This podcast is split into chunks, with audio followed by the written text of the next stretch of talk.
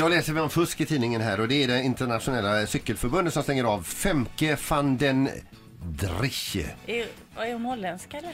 belgiska. Eh, Hon stängs av i eh, s- sex år. Hon är alltså cyklist. Hon är ertappad då med att ha en elmotor i sin cykel. Ja, just det. Det, här, det är ju så dumt så Mm. hälften vore nog. Eh, och- Ja, det är smart tycker jag alltså. Ja, men eh, inte längre då i och med Nej, att nej, hon blev nej. ertappad. Och Det så, är- så styrdes den då med en blå, blå, blåtandsknapp upp i eh, styret så hon kunde trycka på när hon kände för det Ja, då. det är sjukt det. Hon får alltså lämna tillbaka samtliga medaljer och eh, samtliga prispengar från oktober i fjol.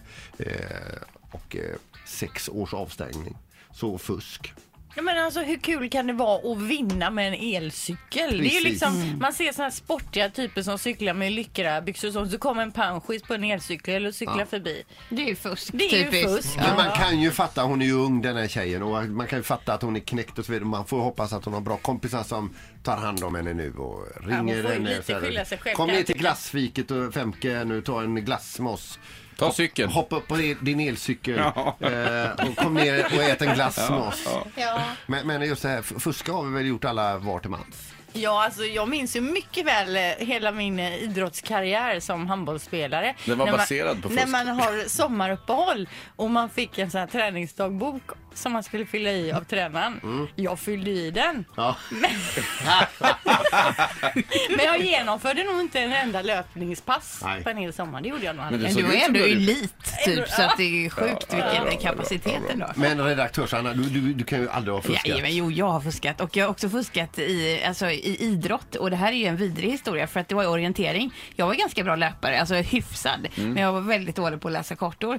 Eh, så det var orientering, jag tror det var någon Kungsbackaskog, eh, jag kommer från Onsala så fick man åka in dit, det var lite festligt. Och då var det en så här tuff kille i en annan klass som frågade om vi skulle orientera ihop och det sa man ju inte nej till för man tänkte det här är ändå kul liksom, det får ändå vara lite med honom. Och Och med träffa honom då? Ja, precis. Bara att han var ju en fuskare av rang. Eh, så att han sprang upp i skogen då och vi vi gick ju runt då och snackade med andra kompisar som redan hade varit på andra kontroller. Så tryckte vi igenom, han ville alltså åt ett örhänge jag hade för att kunna trycka igenom samma mönster som de som Ja. redan hade gjort.